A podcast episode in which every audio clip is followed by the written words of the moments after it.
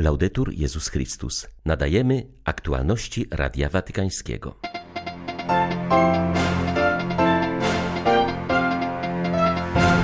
Papież wystosował przesłanie z okazji 625-lecia Wydziału Teologicznego w Krakowie. Powołując się na nauczanie świętego Jana Pawła II, wskazuje w nim na znaczenie posługi myślenia. Katolicy w Kazachstanie modlą się o pokojowe zakończenie wewnętrznych konfliktów. Całą naszą nadzieję pokładamy w Bogu i w patronce Kazachstanu, Matce Bożej z Ozjornoje, mówi katolicki biskup Aumaty. Kolejne masowe mordy w Nigerii to świadectwo nieudolności aktualnego rządu w obliczu zagrożenia islamskim terroryzmem. Ludzie nie mogą już dłużej żyć w takich warunkach, podkreśla kardynał John Onajekan. 11 stycznia witają Państwa Krzysztof Bronk i Łukasz Sośniak. Zapraszamy na serwis informacyjny. Papież Franciszek wystosował przesłanie z okazji 625-lecia Wydziału Teologicznego Uniwersytetu Papieskiego Jana Pawła II w Krakowie. Doceniając dorobek naukowy i dydaktyczny uczelni, zachęca do czerpania z jej wielowiekowej spuścizny, aby nadal była miejscem formacji nowych pokoleń chrześcijan nie tylko przez badania naukowe i dociekanie prawdy, ale także przez społeczne świadectwo życia wiarą. W swym liście papież nawiązuje do nauczania patrona krakowskiej uczelni. Przypomina, że święty Jan Paweł II wskazywał na potrzebę takiej posługi myślenia, dzięki której środowiska uniwersyteckie włączają się w kościelną misję szerzenia Chrystusowego orędzia w świecie.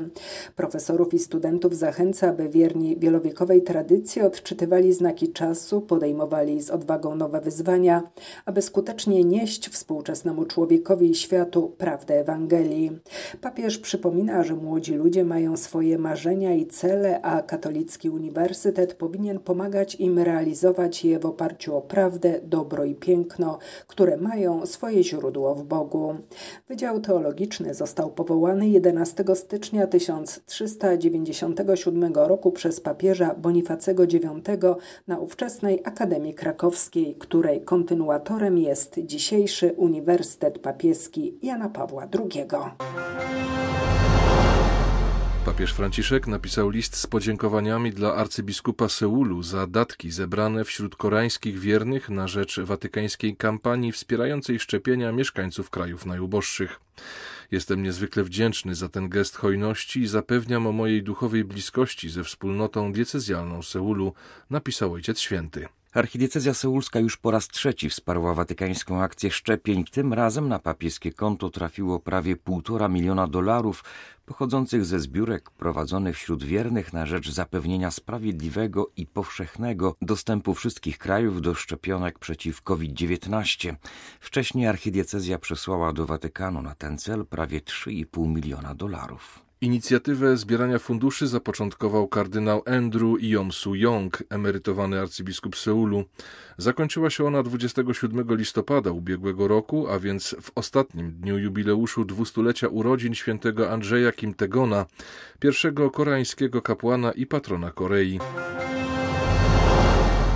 Watykański sekretarz stanu wystosował telegram kondolencyjny do Alessandry Vittorini, żony zmarłego ubiegłej nocy przewodniczącego Parlamentu Europejskiego Davida Sassoli. Kardynał Pietro Parolin przekazuje w nim papieskie wyrazy współczucia dla krewnych włoskiego polityka. Dawid Sassoli miał 65 lat. Od 2019 roku stał na czele Parlamentu Europejskiego. Należał do lewicowej Partii Demokratycznej. W przeszłości pracował jako dziennikarz we włoskiej telewizji RAI. Od dwóch tygodni był hospitalizowany na skutek komplikacji spowodowanych dysfunkcją układu odpornościowego. W watykańskim telegramie kondolencyjnym kardynał Parolin zapewnia, że papież wspomina go jako człowieka wierzącego, ożywianego nadzieją i miłością, kompetentnego dziennikarza i cenionego polityka, który w ramach pełnionych funkcji publicznych służył dobru wspólnemu i promował solidarną wizję wspólnoty europejskiej. Katolicy Kazachstanu są wdzięczni papieżowi Franciszkowi za modlitwę w intencji ich ojczyzny oraz za udzielone wsparcie. Wskazuje na to przewodniczący episkopatu tego kraju, apelując jednocześnie do wierzących na całym świecie o modlitwę w intencji otwarcia w Kazachstanie nowych horyzontów pokoju. O kryzysie w Kazachstanie Ojciec Święty przypomniał światu podczas niedzielnego spotkania na Anioł Pańskim. Tymczasem sytuacja w kraju wciąż jest napięta. W ulicznych protestach zginęło co najmniej 160 osób, a ponad 8 tysięcy zostało aresztowanych. Zachęcamy do dialogu i pojednania. Przemoc nigdy nie przynosi niczego dobrego, mówi Radiu Watykańskiemu biskup José Luis Mumbiela Sierra. Jest on ordynariuszem diecezji przy Najświętszej Trójcy w mieście Aumaty, które najdotkliwiej doświadczyło przemocy.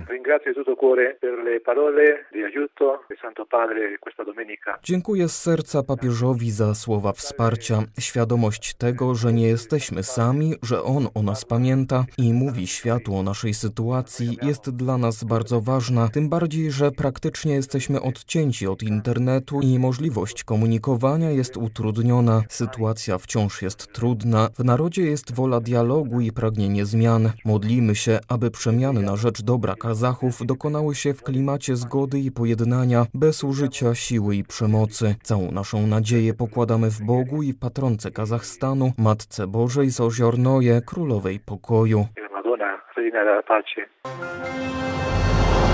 We Francji przyznano tegoroczną nagrodę księdza Jacques'a Amela. Otrzymał ją Michael Corre z dziennika La Croix za wywiad z siostrą Samuela Patiego. Nagrodą tą wyróżniani są dziennikarze i pisarze, którzy ukazują inicjatywy sprzyjające pokojowi i dialogowi międzyreligijnemu. Samuel Paty był nauczycielem, zginął podobną śmiercią co ksiądz Amel. 16 października 2020 roku 18-letni czeczeński islamista obciął mu przed szkołą głowę za to, że podczas zajęć poświęconych świeckości pokazał karykatury Mahometa. Niespełna rok po zamachu siostra ofiary El po raz pierwszy zgodziła się na udzielenie wywiadu, w którym nakreśliła duchowy i intelektualny portret swego brata. Przyznała, że Somiel był niewierzący, ale chciał zrozumieć wiarę innych ludzi. Bardzo poważnie podchodził do swojej pracy w kolegium. Zależało mu na uczciwym przedstawieniu problemu karykatur Mahometa. Długo się do tego przygotowywał, konsultując się również ze swą matką, byłą nauczycielką. Pati zapewniła, że jej jej brat nie chciał zrewolucjonizować świata, ale wierzył w możliwość zmian na najniższym szczeblu, również poprzez swoją pracę. Nagroda księdza Amela została ustanowiona przez Federację Prasy Katolickiej. W skład jury wchodzi m.in. siostra księdza Amela oraz arcybiskup archidiecezy Rouen, do której należał ten francuski kapłan. We wczorajszym spotkaniu dla Korpusu Dyplomatycznego akredytowanego przy Stolicy Apostolskiej uczestniczył m.in. nowy ambasador Wielkiej Brytanii. Mimo 30 lat służby dyplomatycznej byłem wzruszony, słysząc z jaką troską Franciszek mówi o problemach świata i jak ważne są one dla niego osobiście, powiedział w rozmowie z Radiem Watykańskim Christopher Trott. Dla przedstawiciela Zjednoczonego Królestwa było to pierwsze noworoczne spotkanie z papieżem, ponieważ swoją misję rozpoczął we wrześniu. Wcześniej pracowałem w miejscach, które papież nazywa peryferiami, takich jak Sudan Południowy, Birma, Afganistan, kraje Afryki czy Wyspy Pacyfiku. Stąd moje wzruszenie, gdy papież nawiązał do tych miejsc i pokazał swoją troskę o ich mieszkańców, powiedział ambasador Trot. To był dla mnie szczególny przywilej przebywać razem z papieżem w jednym pomieszczeniu, gdy dokonywał on swoistego przeglądu świata i widzieć, jak bardzo zależy mu na ludziach i państwach. Wyraźnie dało się odczuć, że mówi o sprawach dla niego ważnych, takich jak powszechny dostęp do szczepionek na COVID-19 i problemy wynikające ze zmian klimatycznych. Myślę, że chciał nadać swoim słowom jeszcze większej mocy i dlatego przywołał przykłady cierpienia osób, z którymi możemy się utożsamić. Papieżowi bardzo zależy także na dialogu jako sposobie rozwiązywania konfliktów. Myślę, że mówiąc o tym, miał na myśli napięcia pomiędzy Rosją a Ukrainą, a także impas na granicy Polski i Białorusi, gdzie migranci są wykorzystywani jako pionki w grze politycznej. To spotkanie przypomniało mi, dlaczego w ogóle chciałem wykonywać tę pracę. Chcę angażować się w sprawy dotyczące całego świata wspólnie z Ojcem Świętym i szukać rozwiązań problemów, które są naszymi wspólnymi problemami. W Irlandii w ciągu zaledwie trzech lat zmarło ponad 21% księży i braci zakonnych, zarówno posługujących, jak i emerytowanych. Oznacza to, jak podaje Irlandzkie Stowarzyszenie Księży Katolickich, że konieczne będzie dalsze zamykanie kościołów i łączenie parafii. Liczby są szokujące. To bardzo smutne, że tak wielu zmarło w tak krótkim czasie. Wszyscy zdajemy sobie sprawę ze starzenia się populacji księży, ale dopiero gdy spojrzymy na liczby, zdajemy sobie sprawę, jakie są wysokie. To naprawdę wstrząsająca ilustracja skali problemu, z jakim boryka się Kościół, powiedział ksiądz John Collins ze stowarzyszenia. W 2014 roku liczba posługujących księży diecezjalnych wynosiła około 2070. Pod koniec 2018 roku liczba ta spadła do 1800. Część z 720 księży emerytów nadal pomagała w posłudze. Według statystyk od 2019 roku do września 2021 roku zmarło 496 zakonnic i 520 księży oraz braci zakonnych. Sytuacja w Sudanie Południowym jest wciąż dramatyczna. Szerzy się głód, ludzie nie mają dostępu do służby zdrowia, a edukacja dzieci wciąż pozostaje marzeniem. Po latach krwawej wojny porozumienie pokojowe zaczyna jednak nabierać realnych kształtów.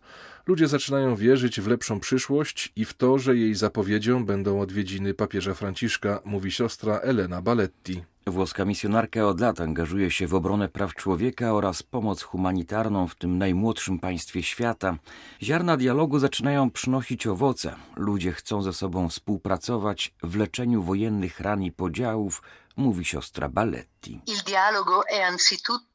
Potrzebujemy przede wszystkim dialogu. Nasza diecezja Malakal, która obejmuje aż jedną trzecią terytorium kraju, najboleśniej doświadczyła dramatycznych konsekwencji wojny domowej.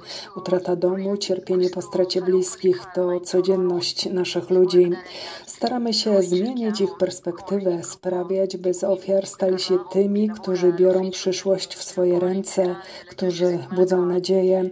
Dialog zakłada patrzenie na drugiego już nie jak na wroga, ale na brata. Liczymy, że odwiedzi nas Franciszek. Kiedy rozmawiałam z nim trzy lata temu, powiedział, że bardzo chce pojechać do Sudanu Południowego. Wierzymy, że będzie to w tym roku. Aktualna sytuacja w Nigerii jest porażką rządu, mówi kardynał John Onajekan, komentując w Radiu Watykańskim kolejne zamachy terrorystyczne w północno-zachodnim stanie Zamfara. Zabitych zostało co najmniej 200 cywilów, 10 tysięcy osób zostało zmuszonych do ucieczki. Były metropolita Abudży podkreśla, że ludzie nie mogą żyć w takich warunkach. Elity polityczne nie dbają tymczasem o bezpieczeństwo obywateli. Myślą tylko o tym, kto zostanie następnym prezydentem, mówi kardynał Onajekan. Nie rozumiemy już, co się dzieje. Zamfara to jeden ze stanów o największym islamskim fanatyzmie, a ofiary tych zamachów to niemal wyłącznie muzułmanie. W tej sytuacji nie można więc mówić o agresji muzułmanów względem chrześcijan. Mamy tu do czynienia z niegodziwością terrorystów, którzy zabijają ludzi bez powodu. Nie można powiedzieć, że są reprezentantami islamu w Nigerii. Wszyscy opłakujemy te zbrodnie. Dla mnie są to po prostu terroryści, którzy w ciągu ostatnich czterech, pięciu lat wyrządzili ogromne krzywdy w naszym kraju.